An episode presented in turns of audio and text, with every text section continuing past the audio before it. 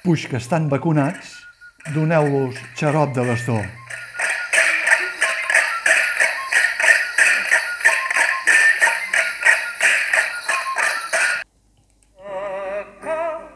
Cop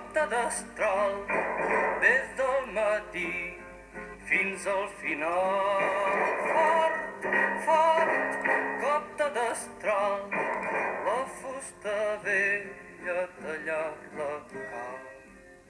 Són moltes les veus sanitàries que des de fa temps reclamen que s'implanti, com en altres països, el passaport de vacunació per accedir a segons quins espais públics o privats. Els que en són reticents aleguen que primer és millor fer pedagogia i després actuar. Però les veus no cessen, sobretot des que el somni del llindar del 70% de vacunats ja superat s'ha elevat almenys fins al 90% arran de les noves variants que fan anar de corcolls sanitaris i tècnics de laboratori. Tots els caps de setmana d'estiu i els de festes majors i de barri s'ha escoltat en veu d'alguns dels noctàmbuls la justificació que un cop estaven vacunats podien anar a les festes de platja i de carrer sense cap impediment. Només cal fer una passejada per barris típics de pubs i restaurants per veure les cues al carrer i les taules a les terrasses sense cap mascareta i sense cap distància de seguretat abans de dos quarts d'una de la nit. I després, què canvia a partir de dos quarts d'una? Cal continuar castigant amb restriccions els empresaris i treballadors de l'oci nocturn?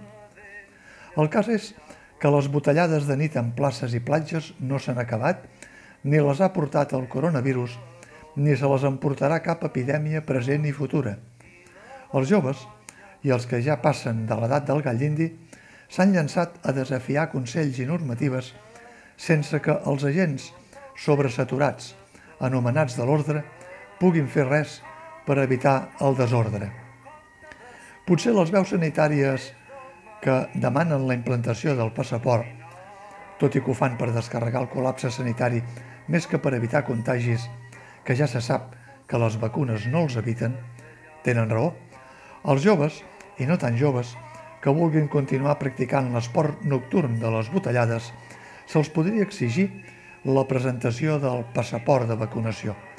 Això sí, sempre en un espai tancat prèviament, encerclat amb tanques, amb agents cívics a la porta, amb la presa de temperatura i, si convé, fins i tot amb la cessió d'un gotet de plàstic i, si el pressupost dona per tant, potser amb un bon target de vida a la bota per demostrar que les prohibicions dels qui manen, amb empatia i comprensió, com la lletra d'abans, amb sang, també entren.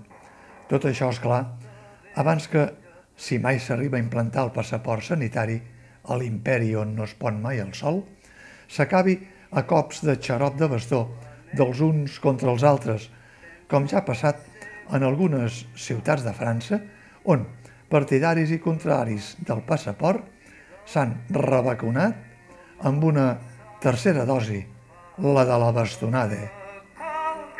Cop, cop de destral, des del matí fins al final. Fort, fort, cop de destral, la fusta vella tallar-la